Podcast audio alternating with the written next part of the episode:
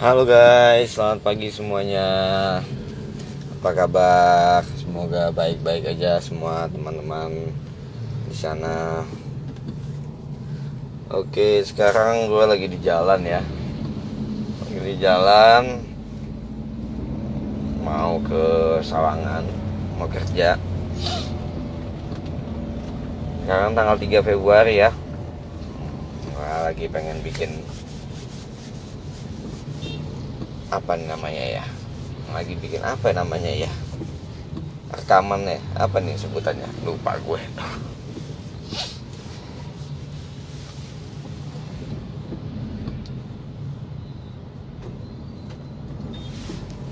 Apa ya namanya? Gue lupa. Nah itulah pokoknya rekamannya. Gue lupa ingetin ente ya jadi kayak kemarin-kemarin pengen bikin sebenarnya cuman belum ketemu topik yang pas. Ini kebetulan gue baru balik dari Bali kemarin. Dan gue dapat topik yang pas. Gue pengen ngebahas soal salah satu hobi gue yaitu traveling jalan-jalan ya. Kalau kemarin gue udah ngebahas soal kenapa naik gunung suka naik gunung. Sekarang gue pengen ngebahas soal kenapa gue suka jalan kalau jalan sih gue rasa semua orang suka jalan lah ya. Cuman gue tipe orang yang kalau jalan sukanya ala backpacker. Nah jadi sekarang temanya adalah kenapa harus backpacker? Nggak harus sih pilihan itu. Depan kalau gue ini untuk diri gue sendiri adalah kenapa harus backpacker? Oke. Gue cerita pengalaman gue jalan dulu ya traveling. Jadi gue pertama kali jalan atau backpackeran itu sekitar tahun 2009 kalau nggak salah itu pas gue kuliah semester akhir udah mau lulus. Gue inget banget pertama kali gue jalan backpackeran itu ke Bandung. Iya nggak jauh-jauh deket Bandung. Lokasi tepatnya Ciwidey. Ciwidey karena gue lihat film My Heart ya. Yang ingat zaman dulu ada film My Heart gitu kan. Gue lihat tempat syutingnya bagus gitu. Ciwidey kebun teh gitu kan. Akhirnya gue memutuskan untuk jalan ke sana. Yang kalau gue baca-baca di internet baca-baca referensi ala backpacker pakai ransel gitu ya. Terus cari angkutan umum yang murah. Terus kalau memungkinkan lu nginepnya juga di rumah warga setempat gitu ya atau di hotel atau hotel yang murah gitu. Makan pun ya yang kayak di warteg itu ya yang di sekitarnya ya harus di restoran mahal gitu. Pokoknya lo budget lah. Nah sekarang gue pengen ngomong kenapa harus backpacker dan apa? Apa sih backpacker atau bedanya lu jalan ala backpacker sama lu jalan ala koper lah ya istilahnya? Nah ini versi gue ya. Versi gue yang suka jalan dan ya udah lumayan apa ya? Betul 11 tahun ya dari 2009 sampai sekarang. Walaupun tiap tahun durasi gue mungkin nggak terlalu banyak banget kenapa harus backpacker? Oke. Buat gue pertama bedanya orang jalan backpacker sama traveler sama ala koper itu bedanya gini kalau gue jalan ala backpacker gue itu lebih ngena di hati lebih berasa gitu ya lebih menikmati ketika saat lu jalan lu bisa berkomunikasi bersinggungan menjalin hubungan sama orang lain yang ada di sekeliling lu. Entah itu warga lokal entah itu sesama pejalan sesama travel eh, sesama traveler sesama backpacker yang kebetulan ketemu di perjalanan atau kebetulan ketemu di tempat tujuan. Kalau gue gitu gue lebih lebih lebih ngena di hati gue gitu ya lebih bikin gue susah move on. Kalau lu jalan ke tempat wisata lu bisa dapat teman baru lu bisa uh, berkomunikasi sama warga setempat warga lokal gitu ya lu bisa kenalan sama penduduk daerah situ. Terus lu entah itu di perjalanan entah itu di tempat tujuan lu bisa kenal orang baru teman orang baru. Itu lebih berasa buat gue gitu. Nah itu mungkin salah satu bedanya kalau lu jalan ala backpacker. Kenapa? Karena kalau lu jalan ala backpacker yang pertama pasti lu berusaha untuk spend money lu tuh nggak terlalu banyak nggak terlalu besar gitu. Dari angkutan umum misalkan transport mungkin lu bakal cari yang nyaman tapi harganya masih murah gitu ya. Kayak pesawat contoh mungkin kalau lu ya orang kalau lu punya duit banyak gitu ya lu bisa aja pilih tiket yang VIP yang bisnis gitu kan. Nggak harus pesen tiket yang ekonomi gitu kan. Nah, cuman kalau misalnya lu mampu beli gitu ya tiket bisnis VIP ekonomi mungkin kalau untuk sekedar nyobain sih oke okay lah lu pengen nyoba gitu ya. Tapi ketika lu mampu dan lu tetap memilih untuk ekonomi itu feelnya juga beda. Ya, ekonomi kan lebih banyak biasanya gitu ya. Lebih banyak. Kayak lu misalkan duduk belum tentu lu kenal temen yang di sebelah lu. Lu belum tentu lu kenal orang yang di depan lu atau yang di belakang lu. Nah itu lu punya kesempatan buat kenalan buat tahu. Gitu kan. Itu itu itu itu satu dari transport. Kalau lu naik pesawat seumpama gitu ya. Lu bisa kayak mungkin dalam pesawat itu kebetulan lu ketemu orang yang lu lihat asik terus kebetulan tujuannya pasti sama kan namanya satu kendaraan. Lu bisa ngobrol atau mungkin asalnya pun sama dari daerah lu dari tempat lu juga. Sehingga lu bisa jadi ketemu di dalam pesawat terus nanti selanjutnya lu jalan bareng. Bisa jadi itu satu dari transport. Itu gua asumsikan kalau lu naik pesawat belum lagi kalau lu seandainya nih memilih kalau lu mau naik kapal laut. Misalnya nih dari sini dari Tangerang ya atau dari Jakarta lu mau ke Belitung. Itu kan bisa tuh naik pesawat. Nah gue juga gue sih belum pernah ngerasain tapi gue browsing browsing ternyata bisa naik kapal laut naik kapal pel nih. Dan itu biayanya jauh lebih murah daripada lu naik pesawat tapi waktu tempuhnya juga lebih lama. Di perjalanan lebih lama. Nah tapi ada tapinya lagi nih. Memang lebih murah memang lebih lama. Tapi itu juga bisa jadi kesempatan buat lu kenal orang yang ada di kapal laut itu. Gitu. Eh teman gue nelfon stop dulu ya nanti kita lanjut lagi. Oke kita lanjut lagi ya. Nah, gue baru inget nih bikin podcast namanya. Dari tadi gue mikirin oke tadi ada teman gue yang telepon sorry. Kita lanjut lagi. Nah, tadi ngomongin soal ke Belitung naik kapal laut ya. Nah itu lo bisa bisa dapat kenalan baru kan di kapal laut itu. Atau ini berdasarkan pengalaman gue nih gue udah pernah ngalamin juga. Waktu itu gue ke Semeru. Eh ke, bukan ke Semeru. Ke Merbabu. Ya ke Merbabu. Gue sama teman-teman gue berenam nah. Gue naik kereta waktu itu. Naik kereta sama. Naik kereta pun kan lo bisa milih ya mau naik yang bisnis atau naik yang ekonomi. Ekonomi itu pasti lebih murah daripada yang bisnis kan gitu. Terus pesannya pun lo bisa jauh-jauh hari atau bisa dekat-dekat. Ada dekat mepet-mepet gitu kan tapi kalau mepet-mepet biasanya kan yang murah-murah udah kehabisan tiket tuh. Nah. Ini berdasarkan pengalaman gue pribadi waktu itu gue pilih tiket ekonomi yang murah dan gue pesan udah lumayan dari jauh-jauh hari gitu kan. Kita berangkat berenam. Berenam. Eh berlima berlima dari Jakarta. Yang satu ketemuan di Solo sono. Solo. Jadi yang lima ini empat orang. Kita kenal emang teman-teman gue yang tiga orang itu. Yang satu orang ini kenal dari internet karena kita sempat nge-share bahwa kita pengen ke Merbabu gitu ya. Terus ada satu orang cewek lagi. Namanya Sabrina. Halo Sabrina kalau dengar podcast ini. Apa kabar? Udah lama kita nggak ngobrol nggak naik gunung bareng lagi. Namanya Sabirina cewek. Nah, itu kita ketemuan di Senen. Nah, itu dari internet tuh.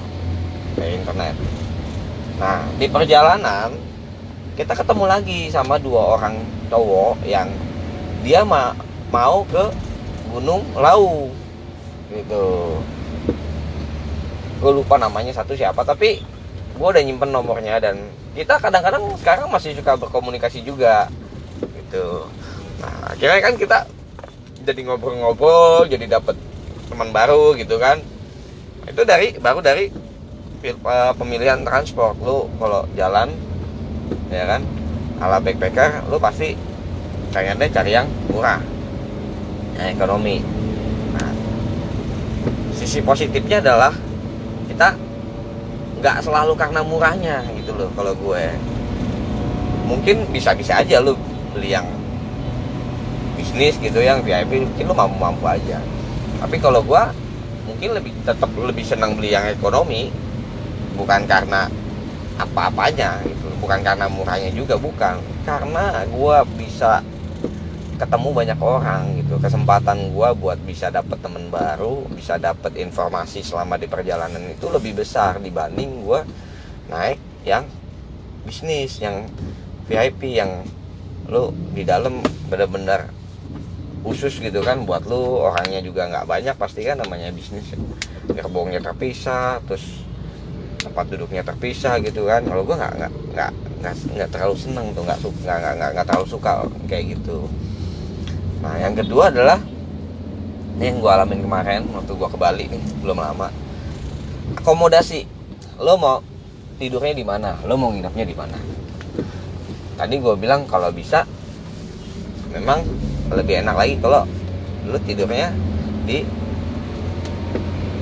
di tempat warga sekitar gitu ya. Kalau lu punya kenalan sih syukur alhamdulillah lu bisa silaturahmi juga kan sama nah, kenalan lu di tempat wisata itu gitu kan. Nah cuman kalau misalkan lu nggak punya kenalan di tempat wisata itu lu kan pasti harus cari penginapan dong. Sama kalau gue juga cari penginapan pengennya murah. Nah cuman lagi-lagi nggak selalu karena murahnya gue pilih penginapan itu. Tapi gue seneng lagi-lagi seneng pilih penginapan itu karena gue bisa punya kesempatan buat dapat kenalan baru. Kayak waktu gue ke Lombok misalkan ke Gili Trawangan. Gue mungkin bisa aja pilih room yang satu kamar isinya berdua ya kan buat dua orang. Mau yang ada AC-nya atau mau ada kipas anginnya yang kamar mandi di dalam atau kamar mandi di luar yang ada showernya atau yang nggak ada showernya yang kayak gitu-gitu kan. Cuman gue lebih seneng waktu itu milih yang sistemnya dormitory gue sengaja gue inget banget. Waktu itu gue pilih penginapan namanya Gili Backpacker. Nah kalau lu di Gili Trawangan itu ada namanya Gili Backpacker. Gue udah pernah nginep di situ tahun 2015 waktu itu gue berempat sama temen gue dari sini. Gue sengaja pilih penginapan yang kayak gitu. Waktu itu gue satu kamar itu isinya satu dua delapan orang. Delapan orang jadi yang tiga orang itu temen gue sama gue berempat gitu kan yang empat orang tuh gue nggak kenal. Dan yang nginep di situ tuh rata-rata orang luar orang luar. Boleh lah entah itu dari barat entah itu dari Asia gitu ya. Gue sengaja pilih penginapan kayak gitu. Kenapa? Karena gue pengen dapat kenalan dapat teman baru saat gue berwisata. Gue bisa tukar informasi tukar pengalaman dia habis dari mana asal negaranya dari mana gitu kan. Itu waktu di Lombok. Nah baru nih kemarin nih gue nih. Kebetulan ada proyek juga di Bali ya kan. Terus proyek-proyek gue bikin hostel dormitory bed gitu. Nah, terus udah jadi sekarang mau ada tambahan bikin tampak. Kerjaan tambak nah mungkin kita bisa-bisa aja milih untuk nginep di tempat lain. Bahkan memang sempat ada wacana tuh pengen nyoba nginep tempat lain pengen nginep di hotel itu hostel namanya Velo ya kalau lu ke Bali. Itu adanya di Jalan Raya Kuta nomor 2 gedung ITIK Indonesia Tourist Information Center. Promosi nggak apa-apa ya. Murah enak lah pokoknya di situ. Nggak apa-apa promosi. Nah mungkin bisa-bisa aja. Saat itu emang gue punya wacana sama temen gue jadi kita coba yuk nginep di tempat lain gitu. Maksud kita pengen tahu di Velo kayak gimana rasanya terus tempat lain kayak gimana katanya gitu tapi ternyata itu nggak jadi nggak terrealisasi. Karena udah terlanjur nyaman ya di Velo. Ya jadi kita nginep di Velo yang tadinya pun rencananya cuman gue berangkat hari Kamis pulang hari Minggu. Rencana awalnya.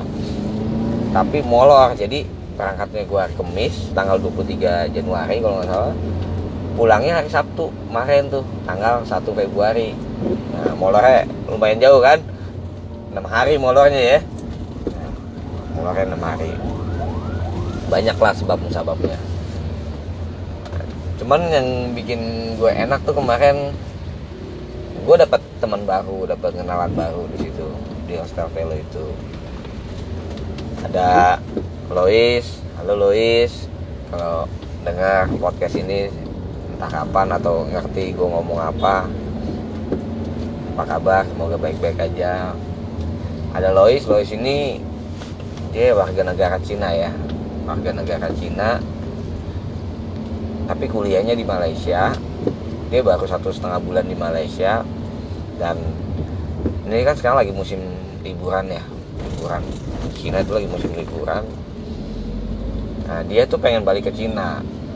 Ya, karena momen Imlek juga kan. Tapi karena di Cina itu lagi ada wabah virus corona dia jadi nggak bisa pulang ke Cina. Padahal kopernya bagasinya dia itu udah ke Cina dia bilang. Nah, cuman dia nggak nggak bisa pulang sana. Akhirnya dia nginep di Velo di hostel selama 35 hari sambil nunggu perkembangan di Cina. Sambil nunggu kabar dari keluarganya gitu kan. Mungkin kalau udah udah terkendali gitu ya. Udah kondusif. Baru dia bisa balik gitu kan. Nah gue jadi kenal sama Lois ya kan? Walaupun awal-awalnya satu satu sampai dua hari itu kita cuman ya nggak nggak terlalu banyak ngobrol karena keterbatasan bahasa. Gue Inggrisnya jelek dia juga masih bagusan dia sih Inggrisnya lebih ke arah gue gue yang Inggrisnya jelek jadi gue yang lebih sering nggak mengerti dengan apa yang dia ucapkan gitu jadi sampai mungkin dia juga akhirnya malas gitu kan ngomong sama gue karena jadi ngomong sama gue gue ngerti kan gitu Nah, nggak lama datang lagi tiga orang. Nah, Lois ini sekamar sama gue ya. Gue nginep di Velo. Velo itu kan dormitory bed. Gue nginep di kamar 4. 4 4 itu kamar Yogyakarta. Isinya ada 8 bed. Nah, dia satu rumah sama gue karena memang dia tujuannya nginep di Velo itu sama. Dia pengen nyari temen. Dia pengen yang ada temennya gitu. Karena dia kayaknya dia apa? Frustasi juga ya karena dia Chinese jadi banyak orang yang agak aware sama dia agak scare gitu kan sama dia agak takut gitu kan itu buat dia tuh psikologi dia tuh ini juga apa ibaratnya ya nggak enak juga nggak nyaman juga gitu. Nah oke lanjut nggak nggak lama datang lagi nih tiga orang. Yang satu lokal dari Jakarta yang dua bule. Awalnya gue nggak tahu mereka tuh dari mana sampai pas malam gue lagi asik gitu kan di hostel nonton YouTube. Nah yang lokal ini gabung sama kita di komunal area terus ngobrol ngajak ngobrol kenalan gitu kan nah, nggak taunya mereka bertiga ini adalah mahasiswa dari Cina. Cuman mereka udah keluar Cina sebelum corona itu mewabah gitu loh. Nah gue ingat banget emang karena gue ada bisnis juga ya impor barang gitulah dari Cina. Nah, emang sebelum mewabah itu gue tahu makanya di Cina itu lagi libur gitu kan. Nah waktu itu memang belum belum kayak sekarang lah. Sekarang belum kayak sekarang. Waktu itu gue belum belum tahu tuh corona kayak gitu nah mereka udah berhasil keluar tuh sebelum virus itu mewabah. Nah sama kayak si Louis ini. Mereka juga nggak bisa balik. Gitu loh. Jadi mereka memang dari kampusnya disuruh jangan balik dulu. Disuruh jangan balik dulu karena wabah virus corona itu kan. Akhirnya mereka liburan di Bali. Nggak tahu sampai kapan. Ngobrol-ngobrol. Ngobrol. Nah karena tiga orang itu mahasiswa dari Cina ya mereka juga terbiasa dong ngomong bahasa Cina. Akhirnya nyambung sama si Louis. Louis bisa jadi bisa ngobrol gitu. Louis jadi ada, ada teman ngobrol kan ngobrol sama gue pakai English. Gue nya banyak nggak ngerti kan gitu. Akhirnya mereka bertiga ini nyambung sama Louis. Louis ini nyambung sama sama mereka bertiga gitu ngobrol. Akhirnya ya jadi deket. Gitu jadi deket. Gue pun jadi belajar bahasa Inggris jadinya kan. Nah terus ya kita akhirnya jalan bareng. Pantai bareng surfing bareng terus ngopi bareng ke kafe bareng gitu kan. Kayak gitu. Itu itu ngena banget buat gua tuh kayak gitu pengalaman kayak gitu. Gue jadi kenal Louis kenal Ciko yang Ciko ini yang lok yang lokal dia, dia tinggal di Jakarta. Kenal sama Sardor kenal sama Anwar. Sardor ini dari Uzbekistan. Nah, kalau Anwar ini dari Tajikistan. Jadi yang bule dua itu satu dari Tajikistan satu dari Uzbekistan. Tiga-tiganya Ciko, Sardor, sama Anwar kuliah di Chongqing University. Itu.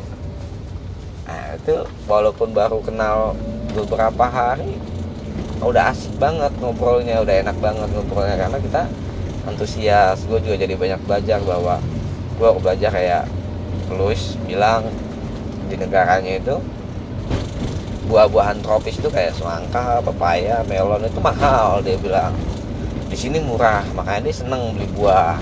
Nah itu jadi bikin gue oh iya harusnya gue lebih bersyukur ya.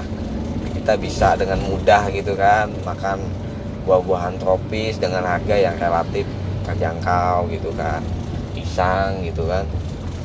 Coba kalau negaranya dia mahal. Kadang-kadang kita nyepelein ya pisang sampai kita beli satu satu sisir gitu kan. Nggak habis kebuang. Kadang-kadang buah juga kita kadang-kadang ya buang gitu mungkin gitu ya. Nah itu bikin kita jadi lebih bersyukur. Nah terus kalau dari Sardor gue belajar bahwa dia itu kan negaranya nggak punya laut ya ternyata Uzbekistan itu kan gue baru tahu. Jadi dia tuh ikan mahal.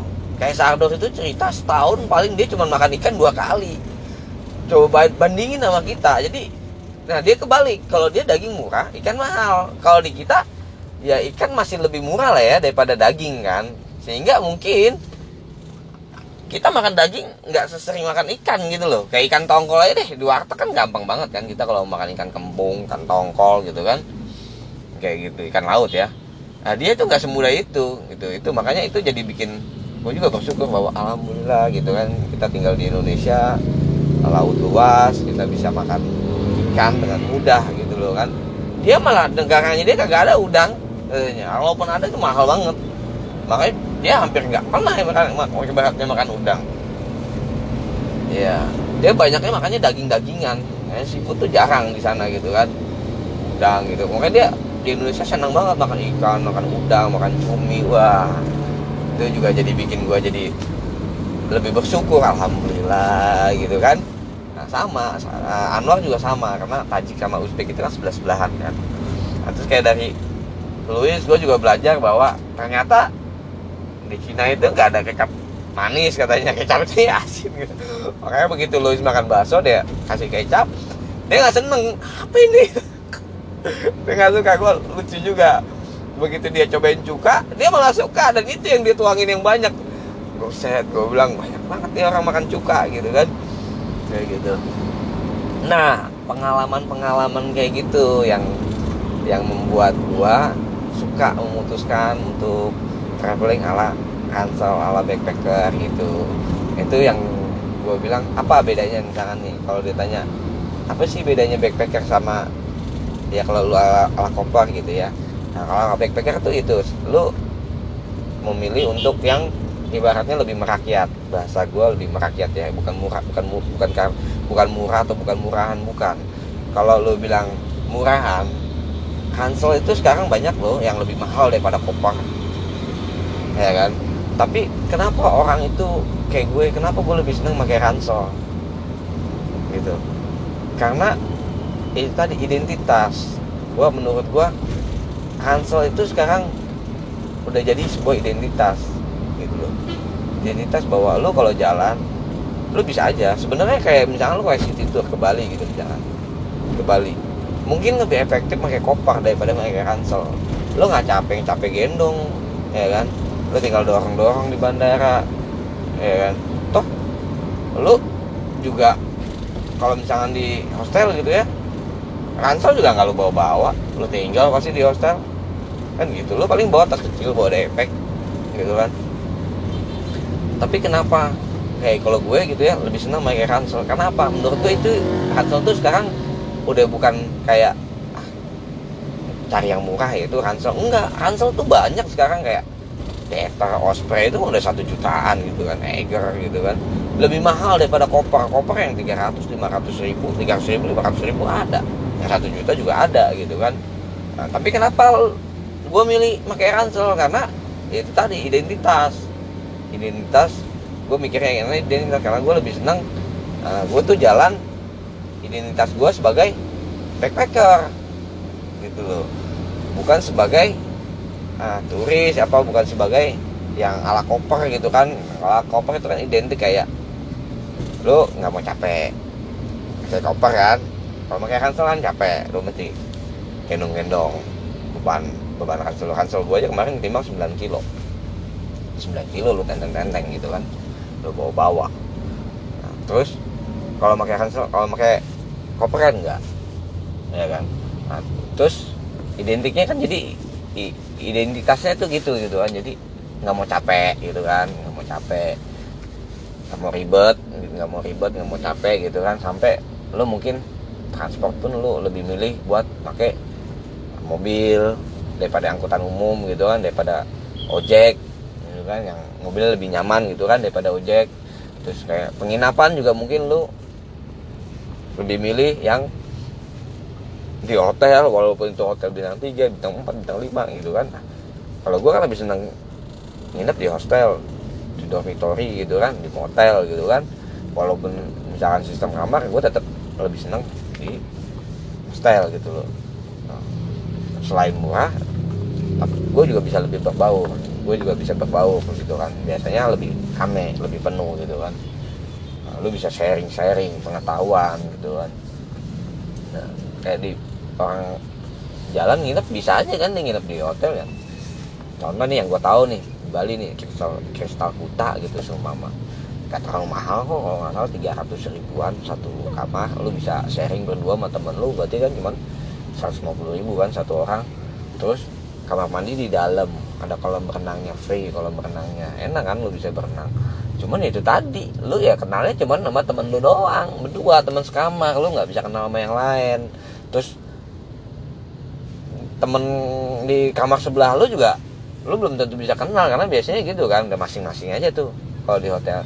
Nah cuman kalau di hostel di motel enggak. Kita tuh kayak punya perasaan senasib penanggungan gitu loh. Sama-sama nginep yang di kelas murah gitu loh ibaratnya. Yang nyari low budget gitu loh jadi kita memang berusaha untuk mencari teman mencari teman. Kayak gitu. Jadi ya bedanya backpacker sama apa ya sama traveler ya gue nyebutnya ya selain selain backpacker gitu ya. Itu tadi uh, salah satunya adalah ini salah satunya ya bukan satu-satunya bukan ada banyak. Bedanya lagi ada banyak tapi salah satunya adalah dengan bepergian ala backpacker lo bisa lebih lo jadi bisa lebih mengenal banyak lingkungan lo. Baik itu orang-orang di sekeliling lu baik itu orang-orang sekeliling lu itu entah dia itu warga lokal entah itu penduduk setempat entah itu orang yang kebetulan satu tujuan sama lu gitu kan? Lalu bisa lebih kenal banyak orang itu salah satunya ya nggak satu-satunya tapi salah satunya itu dan gue menikmati itu. Gue jadi bisa punya banyak temen gue jadi bisa banyak belajar juga dari orang yang baru gue kenal. Ya tadi gue bilang kayak dari Lois gue belajar bahwa ternyata negaranya dia buat tropis itu mahal. Ternyata di sana itu nggak ada kecap manis hanya kecap asin gitu kan. Dari Sardor gue belajar bahwa seafood negaranya dia itu susah. Dia kayak misalkan udang tuh mahal ikan tuh mahal gitu kan. Kayak gitu. Gue jadi juga belajar bahasa kayak bahasa Cina. Bahasa Cinanya yes or not itu adalah sebuse kemarin saja. Terus bahasa Cinanya quiet atau silent atau diem itu anjing ya kalau kalau dengar kita anjing itu kan ya anjing gitu kan dok. Gitu. berarti enggak. Terus kayak dalam bahasa Tajik sholat tuh artinya namas gue jadi banyak belajar kan. Itu sih salah satunya. Jadi kalau ditanya kenapa harus backpacker buat gue jawabannya adalah karena gue pengen ketika gue jalan gue nggak cuma bawa cerita soal tempat yang udah gue kunjungin soal bagusnya tempat yang udah gue kunjungin yang gue lihat. Tapi ketika gue jalan dan gue balik ke rumah gue bisa bawa pulang cerita soal orang-orang yang gue temuin di perjalanan gue bisa cerita soal orang-orang yang baru gue temuin. Ceritanya dia bagaimana asal muasalnya dia gimana negaranya dia kayak gimana tempat asalnya dia kayak gimana. Dan syukur-syukur gue bisa dapat kontaknya. Sehingga walaupun kita udah nggak ketemu lagi kita masih tetap bisa komunikasi. Karena kita nggak pernah tahu sekarang mereka yang main ke negara kita. Bisa jadi tahun depan dua tahun lagi atau beberapa tahun lagi mungkin kita yang main ke negara mereka. Mungkin mereka yang belajar banyak dari kita. Bahwa di Indonesia tuh begini begini begini begini. Bahwa di Jakarta tuh begini begini begini begini. Kayak gitu. Oke, oke mungkin itu aja dulu. Udah setengah jam ya gue ngoceh jalan juga masih macet masih hujan nih. Nggak apa-apa. Ntar kalau kepikiran tema lain gue bikin lagi. Thanks yang udah mau dengerin. Terima kasih banyak yang udah mau dengerin cuap-cuap gua pagi ini. Semoga bisa mengambil manfaatnya. Semoga bisa bermanfaat buat temen-temen walaupun hanya sekedar misalkan untuk mengisi waktu luang mengisi uh, ya waktu luang lah ya. Kayak gitu. Mudah-mudahan bermanfaat itu sih. Gue pengen gue sharing pengalaman gue pikiran-pikiran gue ide-ide gue gitu. Kalau suka ya silahkan di share kalau nggak suka ya nggak apa-apa. Gue juga terbuka kalau ada masukan. Bisa follow IG gue di Harry Koesnadi. Bisa juga email atau bisa juga WA ke gue gitu kan. Atau komen kalau bisa komen ya komen nggak apa-apa. Gitu. Oke okay guys thanks semuanya